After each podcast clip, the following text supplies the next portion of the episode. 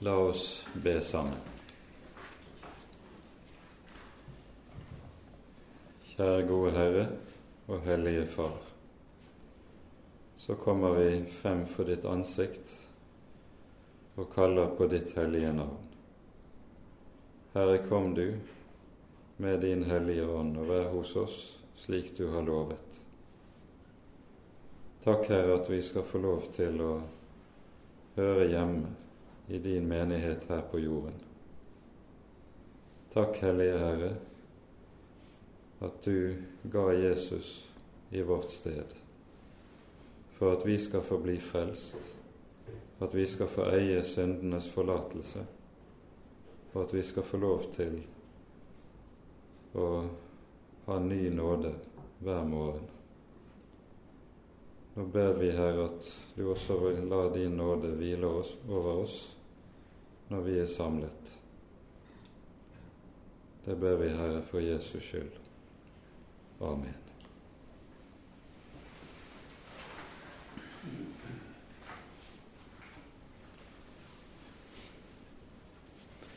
Sist gang gikk vi altså gjennom eh, hoveddelen av det fjerde kapitlet, eh, men rakk ikke den siste biten der vi hører hører en kort beskrivelse av livet i menigheten i Jerusalem. Dette begynner altså med det 32. verset i kapittel 4.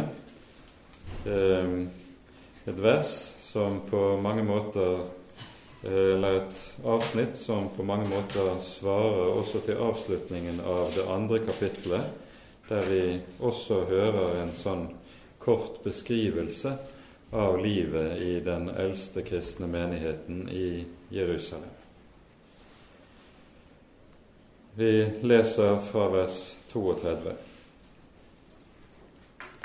Hele flokken av dem som var kommet til troen, hadde ett hjerte og én sjel, og ikke en eneste sa at noe av alt det han eide, var hans eget, men de hadde alt felles. Med stor kraft bar apostlene frem vitnesbyrdet om Herren Jesu oppstandelse, og stor nåde var over dem alle. Heller ikke var det noen blant dem som led nød, for alle som eide jord eller hus, begynte å selge og kom med betalingen for det de hadde solgt, og la det for apostlenes føtter. Enhver fikk så tildelt det han trengte. Josef var en levitt, født på Kypros. Han ble av apostlene også kalt Barnabas, det betyr formaningens sønn. Han eide en åker som han solgte, og han kom med pengene og la dem for apostlenes føtter. Det som eh, vi her hører, det Avsnittet kalles i apostelgjerningene av uh, utleggerne av Nytestamentet for summarium, eller summarier. Og Her i de første kapitlene i apostelgjerningene har vi tre slike summarier. Det første altså ved avslutningen av kapittel 2, så her ved avslutningen av kapittel 4, og så på ny i kapittel 5, vers 12 til og med vers 16.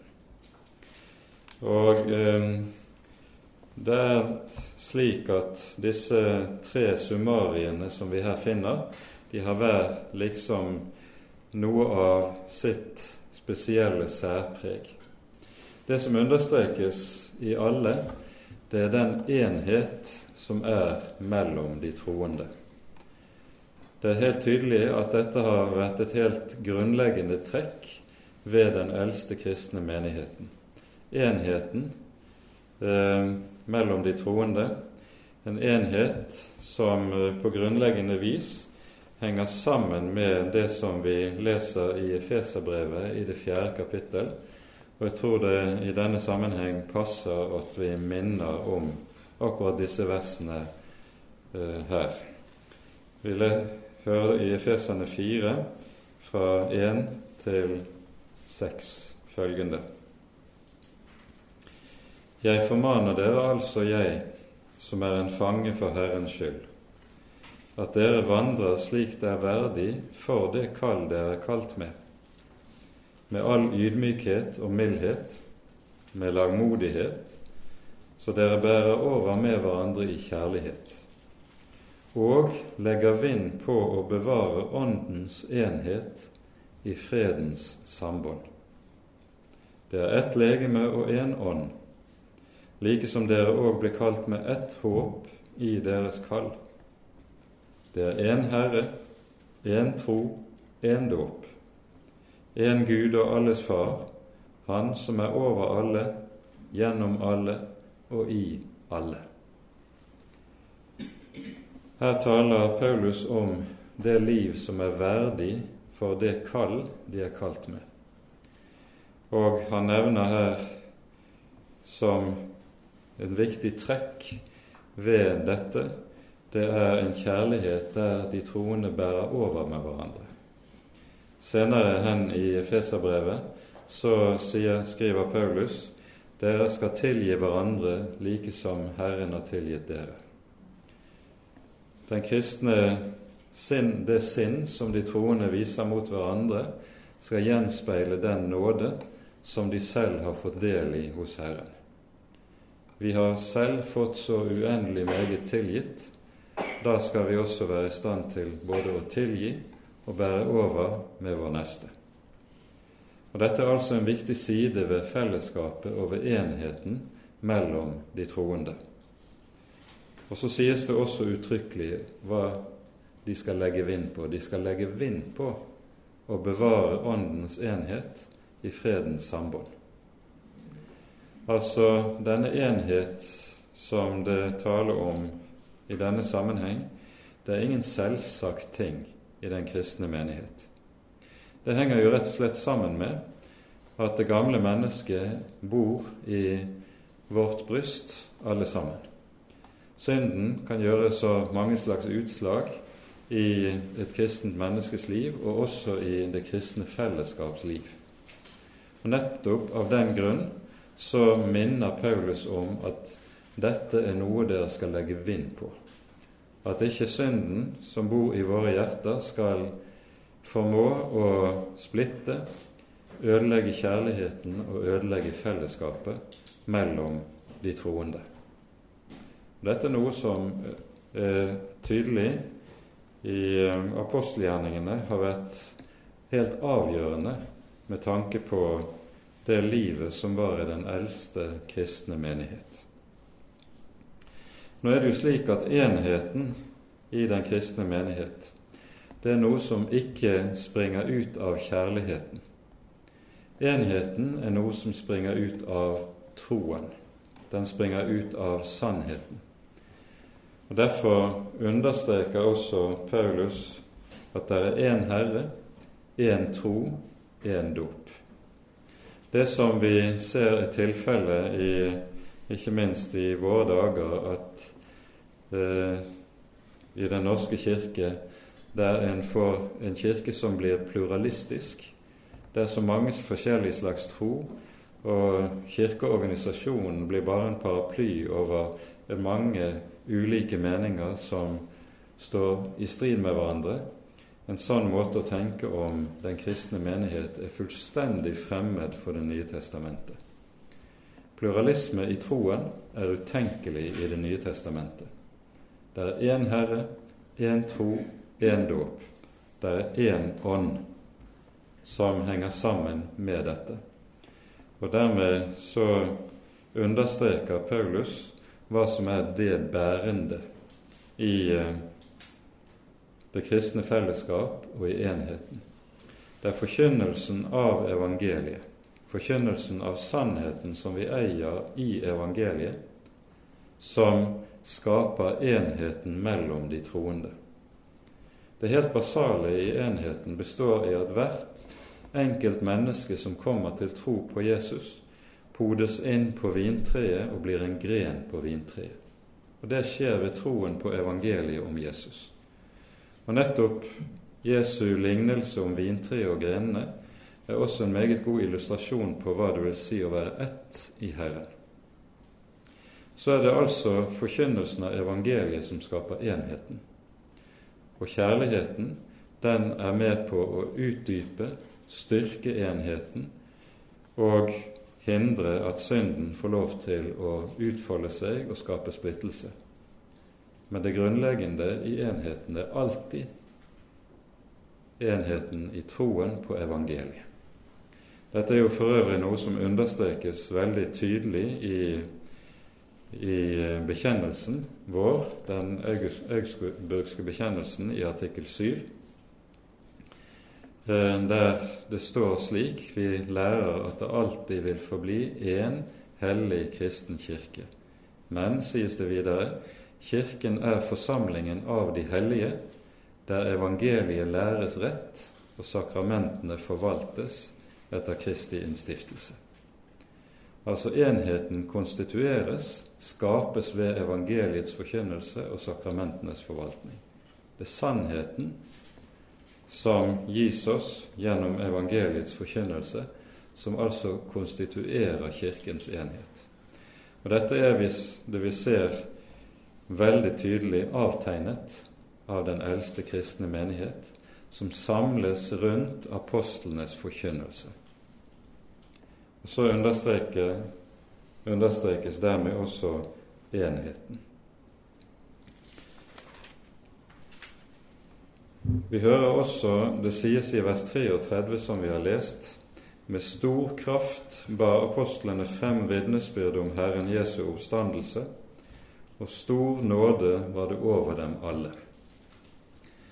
Og dette som vi leser her, det er så å si Guds direkte svar på den bønnen som menigheten ba, og som vi eh, gikk igjennom eh, sist gang, der menigheten etter at eh, Peter og Johannes hadde vært forhørt for Det høye råd, samles i bønn. Og så leser vi eh, følgende fra vers 29 i eh, kapittel 4. Og nå, Herre, hold øye med deres trusler og gi dine tjenere å tale ditt ord med all frimodighet. Det er det de altså ganske særlig ber om. At truslene som de er utsatt for fra folkets ledere, de som sitter med makten, ikke skal skremme dem fra å forkynne offentlig, men at de skal bevare frimodigheten, selv i møte med de kraftigste trusler. Så følger det da også dette som peker på det som har vært kalt for eiendomsfellesskap i den eldste kristne menighet. Nå er nok ikke det tilfellet at det var eiendomsfellesskap i den eldste kristne menighet. Det forstår vi av noen uh, uh, hentydninger fra Peters munn i neste kapittel. Men det er tydelig at troen på Jesus og kjærligheten i fellesskapet har skapt et nytt forhold til penger, til eierskap, som gjør at en skjønner vi er forvaltere over de goder som vi eier, og disse skal brukes til beste for vår neste, til beste for menigheten. Og så ser vi dermed hvorledes det er en giver glede og en giver villighet i menigheten når det gjelder eller med tanke på at det er mange fattige i menigheten i Jerusalem. Det er jo for øvrig noe som vi hører om senere i Det nye testamentet også. Da Paulus taler om innsamlingen til de hellige i andre Korinterbrev, han vier jo hele tre kapitler til dette, så er det slik at denne innsamlingen er til de fattige i menigheten i Jerusalem. Det er modermenigheten som Paulus skriver at de hedninge kristne har nytt godt av deres åndelige goder, da er det ikke for meget at de hedninge kristne skal dele med dem av de timelige goder. Menigheten i Jerusalem var meget fattig. Og Dette henger nok for en del sammen med at det var vanlig skikk og bruk blant jødene den gang at når, en begynte å, når livet begynte å lakke mot slutten, så hvis en hadde anledning til det, så brøt en opp fra sitt bosted. Jødene var jo spredd omkring i hele det veldige Romerriket. Solgte det en eide og bega seg til Jerusalem fordi en hadde ønske om å kunne dø i Jerusalem og bli begravet på Oljeberget. Så det var antagelig en ikke ubetydelig andel av disse som var i menigheten, som var slike som hadde forlatt sine, sine hjemstavn, og som eh, var boende i Jerusalem og etter hvert kanskje hadde svært, svært lite å rutte med. At dette var en del av menigheten der. I alle fall så hører vi nå da helt konkret om Josef som får tilnavnet Barnabas, som selger en eiendom. Han er en levitt, hører vi, fra Kypros. Om den eiendommen han selger, er på en eiendom på Kypros, eller om den ligger i Israels land, det vet vi ikke. Men han selger i hvert fall eiendommen og legger salgssummen for apostlenes føtter. Og Det betyr konkret at apostlene skal anvende den til beste for de fattige i menigheten.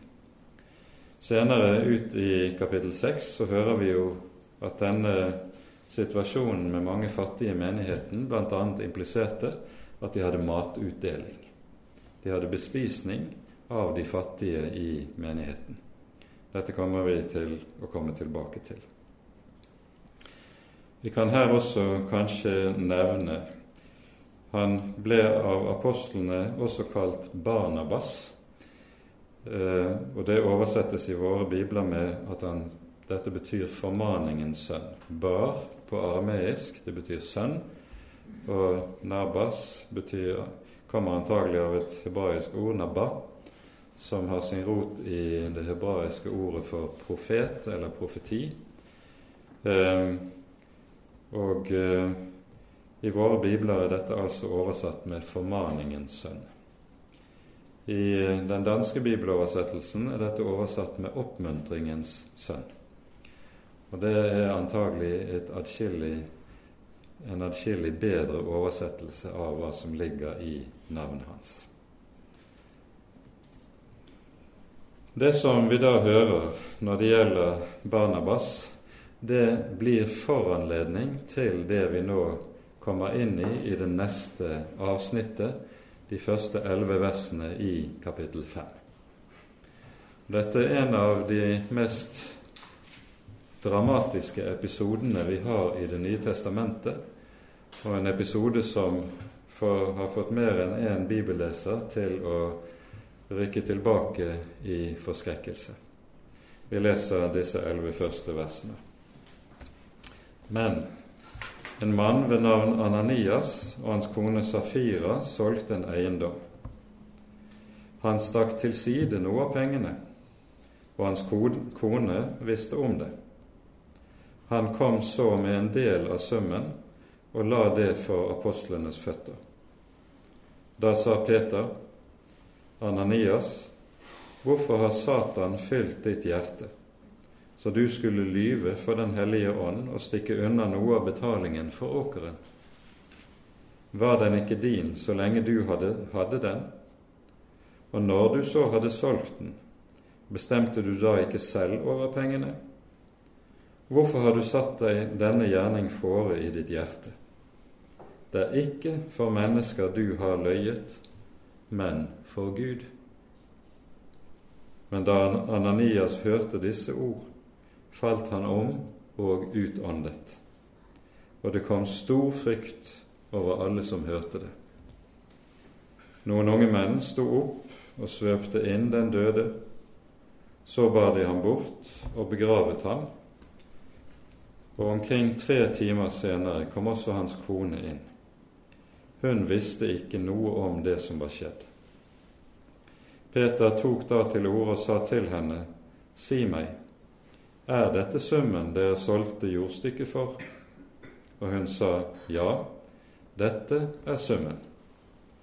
Da sa Peter til henne, hvordan kunne dere bli enige om å friste Herrens ånd?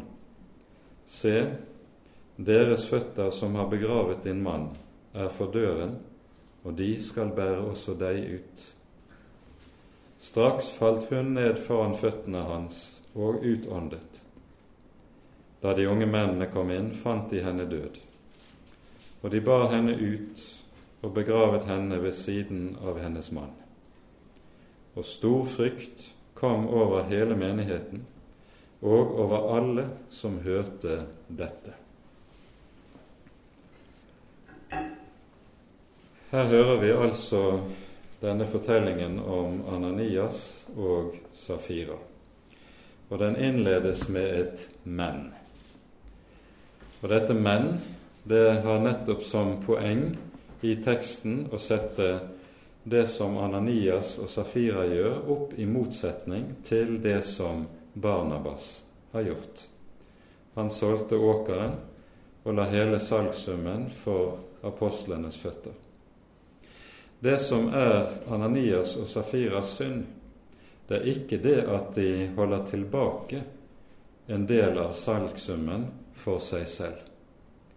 Det som er deres synd, det er at de holder til en del av summen for seg selv, men gir inntrykk av overfor apostlene og menigheten at dette er hele salgssummen.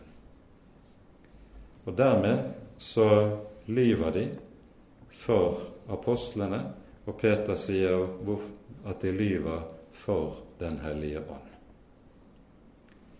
Og Så får det altså disse drastiske konsekvensene som det får. Gud lar seg ikke spotte. Det er det denne fortellingen ganske særlig skal understreke.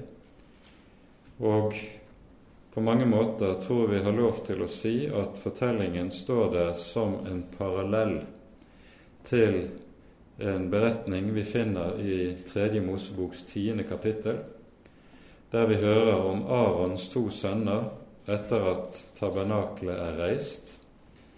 Så sies det at de to bærer inn fremmed ild for Herrens ansikt.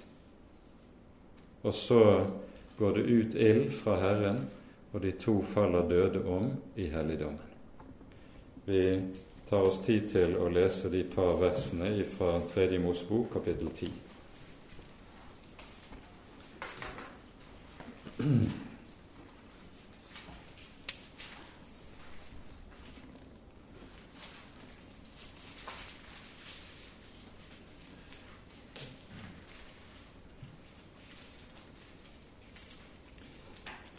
Men Arons sønner Nadab og Abihu tok hver sitt ildkar og la ild i dem, og la røkelse på ilden, og bar fremmed ild inn for Herrens åsyn, som han ikke hadde befalt dem.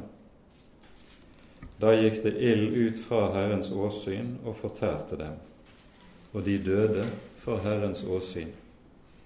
Da sa Moses til Aron:" Dette var det Herren talte om da han sa:" På den som står meg nær, vil jeg hellige meg, og for alt folkets åsyn vil jeg herliggjøre meg.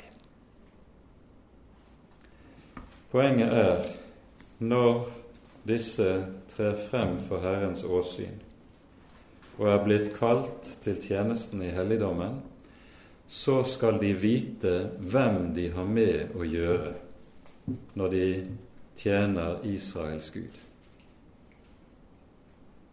Israels Gud er den hellige. Israels Gud er den Gud som er en fortærende ild, og derfor skal tjenesten for Hans ansikt foregå på det vis og på den måte som Herren selv har foreskrevet. Menneskepåfunn det er noe Herren ikke godtar i sin helligdom. Selvgjort og selvlaget gudsdyrkelse. Det er noe Herren ikke godtar i helligdommen. Og Dette blir så anskueliggjort allerede ved begynnelsen av offertjenesten for at alt folket skal vite hvem de har med å gjøre i Israels hellige.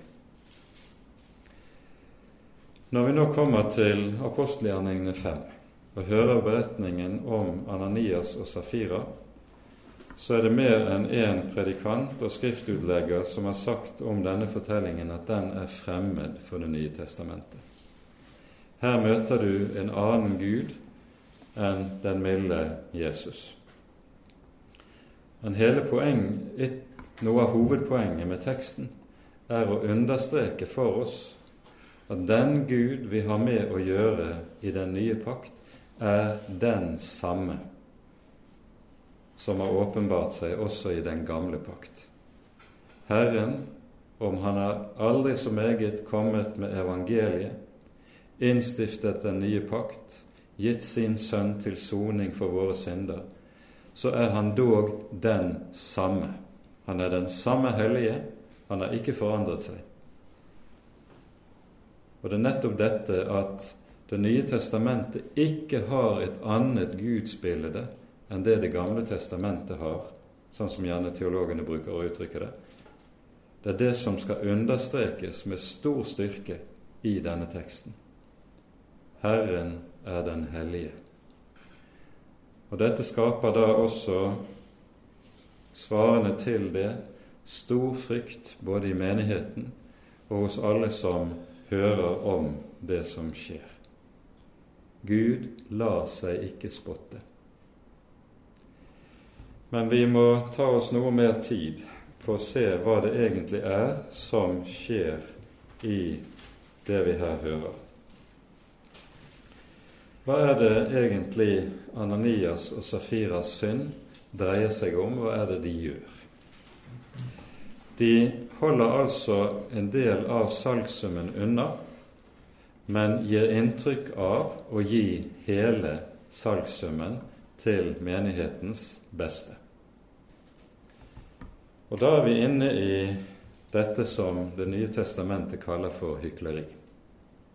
Man gir inntrykk av å være noe annet enn det man er. Og Da er det et par tekster vi må se nærmere på i den sammenheng. Først går vi til Matteusevangeliets sjette kapittel.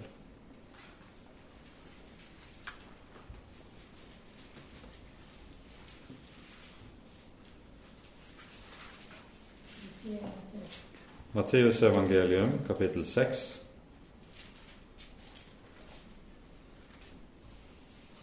Vi leser der de to første versene.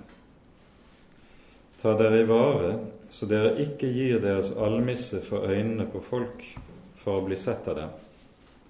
Da har dere ingen lønn hos deres, far i himmelen. Når du gir almisse, skal du ikke gjøre det kjent med basun slik hyklerne gjør i synagogene og på gatene, for å bli æret av mennesker. Sannelig sier jeg dere, de har allerede fått sin lønn. Når Jesus bruker dette uttrykket 'du skal ikke gjøre det kjent med basun', så er dette et slags eh, ordspill, eller en henspiller på det som var en ordning i tempelet i Jerusalem. Der var det sånn at det var en rekke kister som folket kunne legge gaver til tempelet i. Så, så, vidt jeg husker, var det 13 slike ulike kister der man kunne gi til ulike formål. Enten til tempeltjenesten, eller til de fattiges underhold, eller til ja, en rekke ulike formål. Og Disse kistene de var formet slik at de hadde en trakt som viet seg ut slik at de så ut som basuner. Og de ble også kalt for basuner. Og Det er antagelig dette som Jesus da henspiller på i denne teksten. Og så er det da noen som eh, kan gjøre som for, i motsetning til eh, det den fattige enken gjorde, komme med sine svære pengegaver og riktig gjøre kjent for folk hva de gir til tempelet og til beste for det ene eller det annet. Mens Jesus altså sier dette er noe som man skal gå stille i dørene med. Hva er det som ligger i dette? Det er trangen til å øve en gudsdyrkelse som anerkjennes av mennesker. Man driver altså så å si Gud, gudsdyrkelse for menneskers øyne mer enn for Guds øyne. Det er dette som eh, bakteppet for alt det som man ser når troende mennesker kan begynne å leve en eller annen form for dobbeltliv.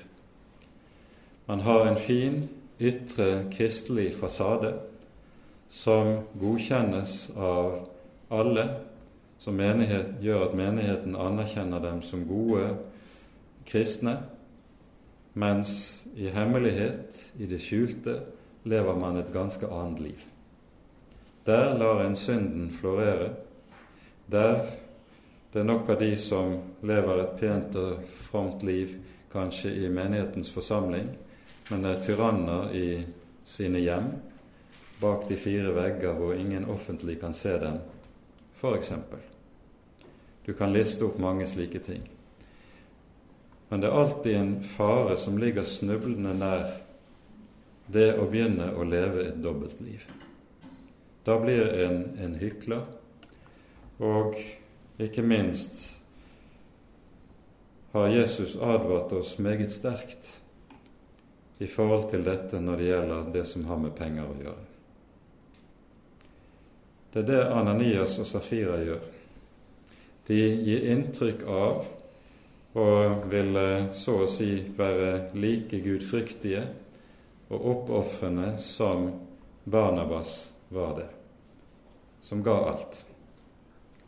Men i hemmelighet så er det altså noe ganske annet som gjelder. Og så faller de i den synd og i den grøft som Jesus beskriver lenger ute i det sjette kapittelet i Matteusevangeliet, der det står i vers 24 følgende Ingen kan tjene to herrer, for han vil enten hate den ene og elske den andre, eller han vil holde seg til den ene og forakte den andre. Dere kan ikke tjene både Gud og mammon. Det er dette altså Ananias og Safira har falt ut i. Og så blir deres givertjeneste, deres liv i menigheten, det blir et hykleri og et dobbeltspill. Men om mennesker lar seg lure, så lar ikke Gud seg lure. Han ser, han vet. Hans alt er nakent og bart for hans øyne, leser vi i Hebreabrevet i det fjerde kapittel han ser. Og den som har lest Salme 139, han vet hvorledes David er seg meget bevisst at det er ikke den aller minste ting i livet som er ukjent for Herren. Det er ikke ett ord på mine lepper 'Du vet det, Herre', før det er kommet alt sammen. Han kjenner hver tanke. Han kjenner hjertet inntil grunnen. Det er intet som er skjult for Herrens ansikt. Han ser. Og det er dette som så å si demonstreres ved at Peter nå da setter fingeren på Ananias synd. Og Her er det viktig å understreke at når Peter kan sette fingeren på Ananias sin synd, så er det ikke fordi Peter har fått en særegen evne som gjør at han kan se inn i menneskers hjerter. Det er enkelte som taler om nådegavene nådegavene innenfor karismatiske sammenhenger i våre dager, der en snakker om at de har, man har det som kalles for kunnskapens nådegave, Og denne kunnskapens nådegave skal da bestå i at en er i stand til å se ting som er i menneskenes hjerter, de en eventuelt har sjelesorg overfor, eh, som er skjult for alle andre. En slik evne gir Gud ikke noe menneske. Sånn at når Peter har kunnskap om Ananias sin synd, så er det fordi Herren på en særlig måte her har åpenbart det og vist ham det. Det er ikke fordi at han kan se inn i menneskenes hjerter. For Herren er alene om å kjenne hjertene og vite hva som bor dypt inne bak vesten hos oss alle. Og dette tror jeg er viktig å understreke også når det gjelder det som ellers sies om nådegavene i Det nye testamentet. Nådegavene er ikke særlige evner som Herren gir spesielt utvalgte i sitt folk. Nådegavene er intet annet enn at Herren selv virker gjennom sine troende når og hvor Han selv behager. Det er ikke særskilte evner som er gitt, og som dermed kan stå til disposisjon for uh, de som eventuelt skulle ha disse evnene. Det er Herren selv som har makten. Det er Herren selv som gjør sine gjerninger gjennom sine troende. Og Dette understrekes også veldig tydelig i det tolvte verset her i kapittel fem, der det står det skjedde mange tegn og under blant folket ved apostlenes hender. Og Den måten å uttrykke seg på i Det nye testamentet, det er en måte å uttrykke seg på som sier det er Herren som gjør sin gjerning gjennom sine troende, det er ikke disse troende som har fått en særskilt evne eller kraft som skiller dem fra alle andre troende.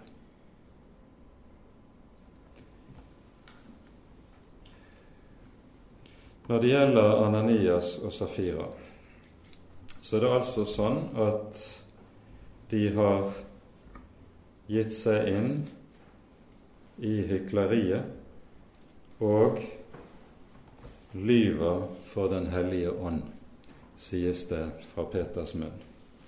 Og Når det gjelder, når vi kommer til um, Safira, som kommer inn etterpå, så sies det om henne Hun spørres hvorfor har dere fristet Herren? Og med det så henter Peter frem et ord som er helt sentralt i Den hellige skrift. I 5. Mosebok 6. kapittel så lyder det til Israels folk du skal ikke friste Herren din Gud. Og Dette ordet siteres jo av den Herre Jesus når han fristes i ødemarken. Djevelen vil friste ham, og Jesus sier du skal ikke friste Herren din Gud. Slik står det nemlig skrevet. Mens det samtidig om Israels folk sies uttrykkelig i Salme 95 at de fristet Herren. De satte Herren sin Gud på prøve. De som dog hadde sett min gjerning, sier, sier Herren. Altså folket har gjennom 40 år hatt Guds egen gjerning for sine øyne.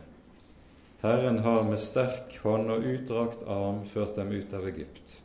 De har hørt Guds røst lyde til dem fra Sinai berg. De har sett Guds undergjerninger om igjen og om igjen og om igjen. Skulle de da ha noen som helst grunn til å tvile på Herrens makt, på Herrens trofasthet, på Herrens nåde? Det skulle de overhodet ikke ha. Og likevel frister de Gud på ny og på ny under ørkenvandringen, hører vi. Og dette er altså den dom som Peter nå uttaler over Ananias og Safira. De har fristet Herren. Og så er det at Herren lar disse to omkomme for menighetens øyne. Hvor mange som har vært til stede og vært vitner til dette, vet vi ikke, men ordet om hva som har skjedd, må antagelig ha spredd seg meget raskt. Og så ligger det et veldig alvor i dette. Det kom stor frykt, sies det, over alle dem som hørte det. Og dette er en frykt som i høy grad har med gudsfrykten å gjøre. En frykt som vil hindre mennesker nettopp i å leve et slikt dobbeltspill, et slikt dobbeltliv som disse to hadde gitt seg inn i. En frykt som der det at Herren er den hellige Gud, ble ramme alvor. Her tror jeg vi også skal minne om ordene fra Jesu munn i Lukasevangeliets 13. kapittel. Det er ord som vi ikke ofte hører lest. Karakteristisk nok så lyder det heller ikke i noen av tekstrekkene som det prekes over i løpet av kirkeåret, men det er like fullt alvorlige ord fra Jesu munn som svarer til det som vi hører her i apostelgjerningene 5. Jeg leser de fem første vers i Lukas 13. På den tid kom det noen til Jesus og fortalte han om de galileerne som Pilatus hadde drept, så blodet deres hadde blandet seg med blodet av slaktofrene som de bar frem. Han svarte og sa til dem, Mener dere at disse galileerne var syndere fremfor alle andre galileere, siden de har lidd dette?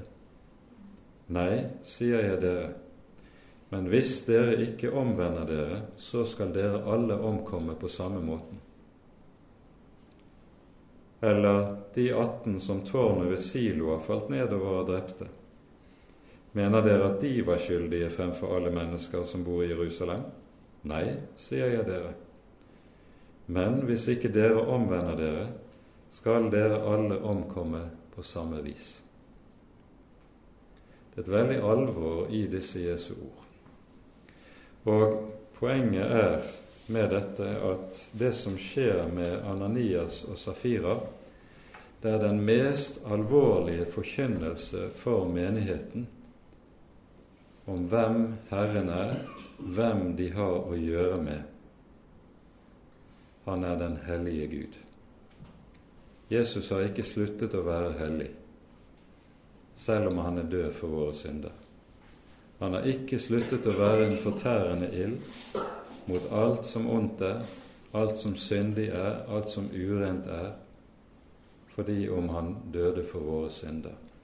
Gud er en fortærende ild mot synd. Og dette understreker dette.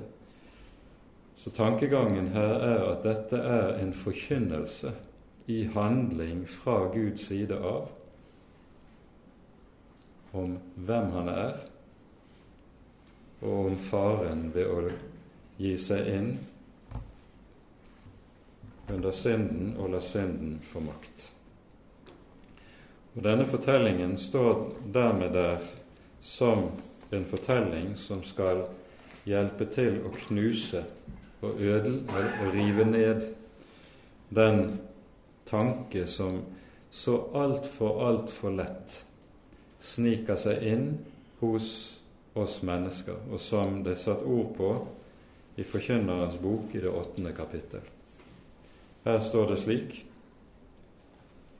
i vers 11.: Fordi dommen over den onde gjerning ikke fullbyrdes straks.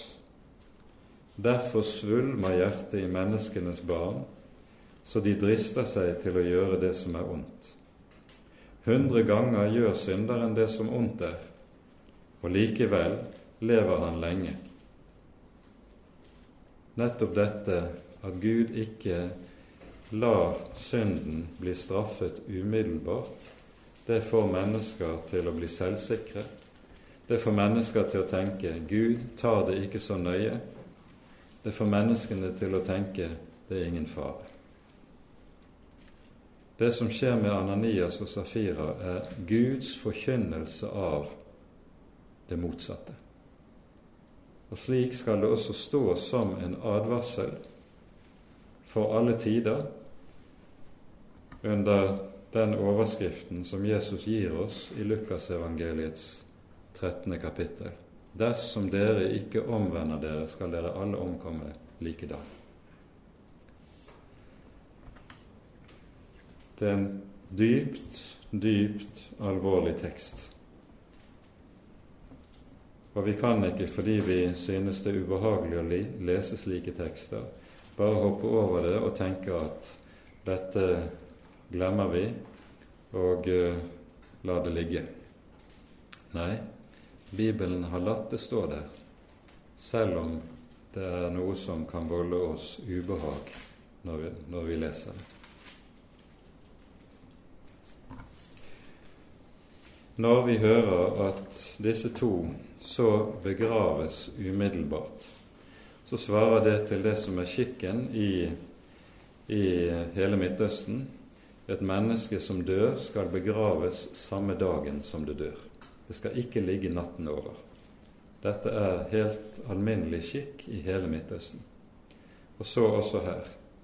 Det som er særegent ved det som står her, det er at konen tydeligvis til Ananias tydeligvis ikke har fått vite om hva som har skjedd, og ikke har fått lov til å være med og følge sin mann til graven.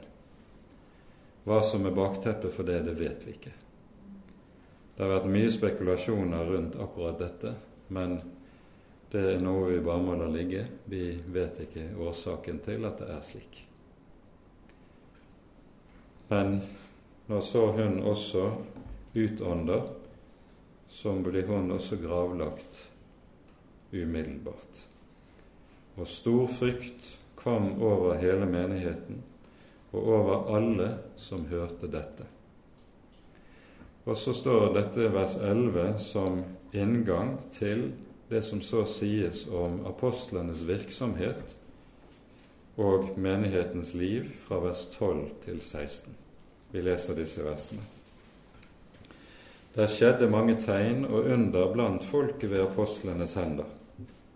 Med ett sinn pleide de alle å samles i Salomos søylegang. Av de andre våget ingen å holde seg nær til dem, men folket hadde mange lovord å si om dem. Stadig flere som trodde på Herren, ble lagt til menigheten, en mengde både av menn og kvinner. Folk bar til og med de syke ut på gatene og la dem på senger og bårer for at i hvert fall skyggen av Peter kunne falle på dem når han gikk forbi. Også fra byene rundt Jerusalem kom det en mengde folk som førte med seg syke og slike som var plaget av urene ånder, og de ble alle helbredet. Og vi forstår av dette at det har vært en veldig åndsmakt som har fulgt apostlene i denne første tid. Og denne åndsmakt har nå altså slått ut på dobbelt vis. I det vi hører i de elleve første versene i kapittelet, er det en åndsmakt som også har ytret seg til dom. Mens det i det vi nå hører i disse vers 12 og utover, er det en åndsmakt som ytrer seg til hjelp, til trøst og til frelse for mennesker. Det som sies i det 13. verset, av de andre våget ingen holde seg nær til dem.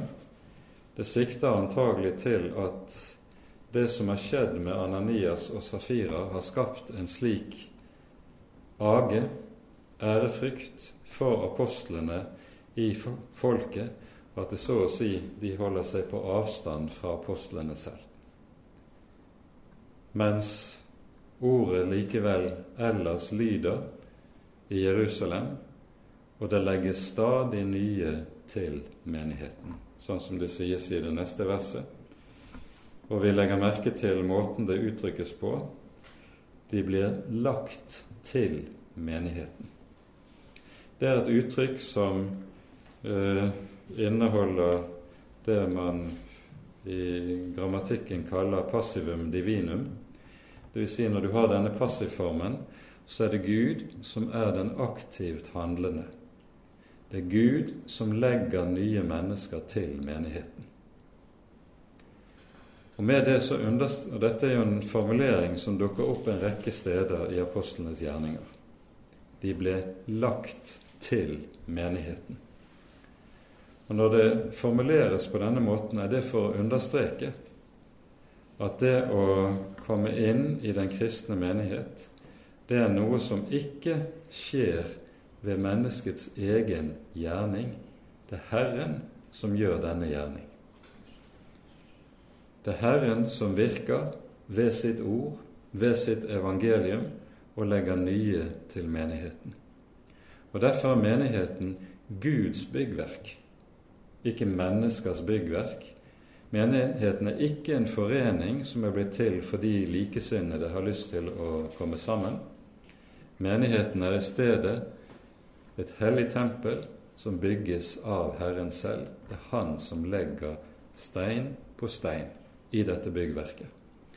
Jesus sier jo uttrykkelig i Matteusevangeliets 16. kapittel etter at Peter har avlagt sin store bekjennelse, så sier han på denne grunnvoll vil jeg bygge min kirke. Jesus sier 'jeg vil bygge'. Han sier ikke til Peter 'du skal bygge', men han sier 'jeg vil bygge'. For det er Herren som bygger sin menighet her på jorden, og han bygger den ved det redskap han alltid anvender når han virker her i verden, ved Ordet. Det er Ordet som er Guds arbeidsredskap, og som han gjør sin gjerning ved. Og Det understrekes jo da også i teksten vår når det taler om forkynnelsen.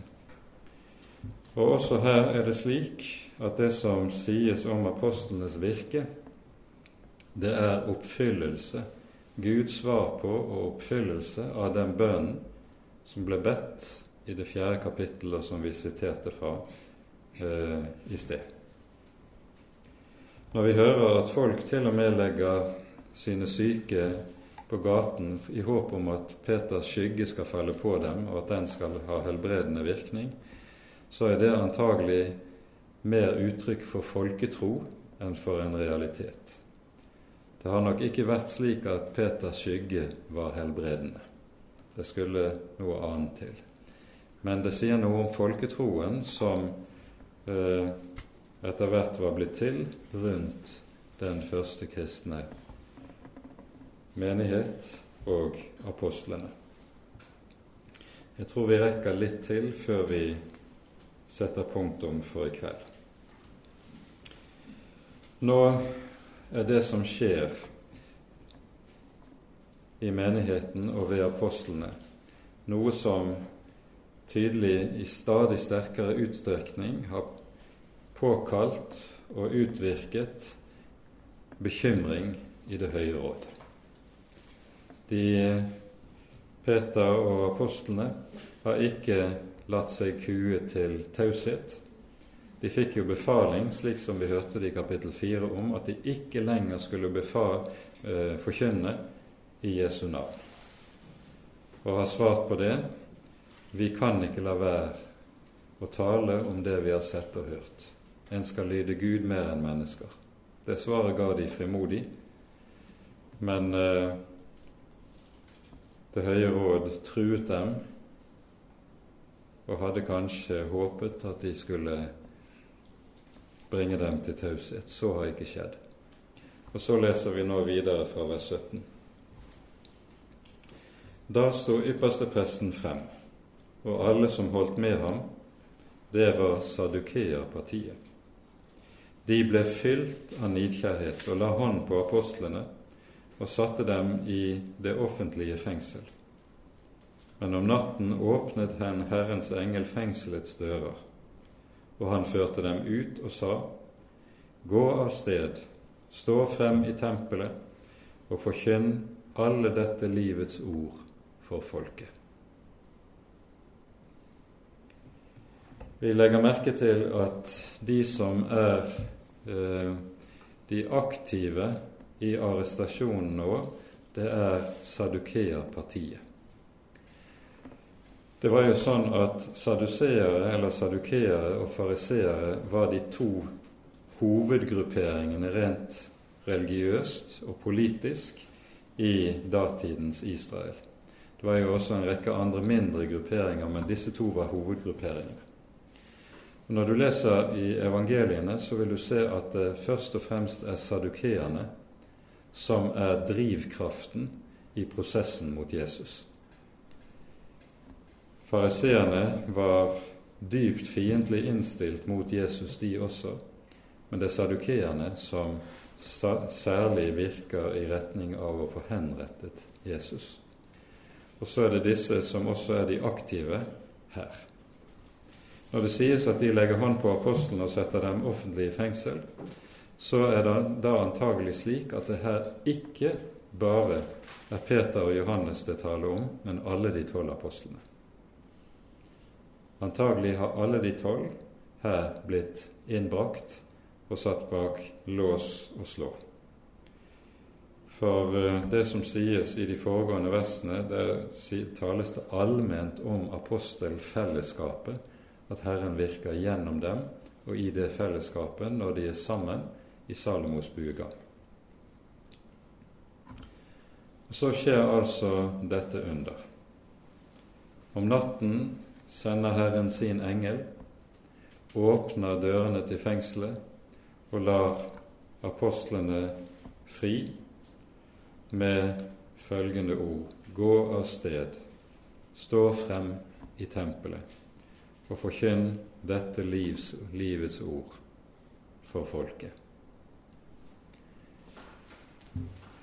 Og i dette så ligger det en veldig understrekning av at når Det høye råd nå ønsker å arrestere og bringe til taushet apostlene, så vi, står vi her overfor en strid der Det høye råd strider mot Herren. De står Gud selv imot. Og så sender Herren sin engel, og dette blir et vitnesbyrd om hvorledes Herren er virksom på tross av menneskers fiendskap og de mektiges råd. Legg også merke til hva budskapet de skal bære frem, kalles. Forkynn dette livets ord for folket. Det er et ord som ikke bare er om det evige liv, men det er et ord som i seg selv er livgivende, som bringer livet med seg. For det er dette som jo kjennetegner evangeliet. Der evangeliet lyder sant og rett og klart, Det gir dere en trøst til hjertene som er livgivende. Det skaper det, det nye livet. Og det er dette som er apostlenes kall. Det er dette de er satt til. Og når det kalles livets ord, så er det jo også fordi at dette ord er bærer av Kristi oppstandelseskraft. Han som har seiret over døden, han er til stede i dette ordet, og med sin oppstandelseskraft er han virksom til frelse, til liv og til lys for menneskene intet mindre. Og dette er da det som så å si legger scenen til rette for det som så kommer. En nytt forhør for Det høye råd, der apostlene nå blir pisket, men frimodig bevarer forkynnelsen og ikke lar seg skremme. Det har vi ikke tid til å se nærmere på i dag. Jeg tror vi skal, med dette skal sette punktum for dagens bibeltime.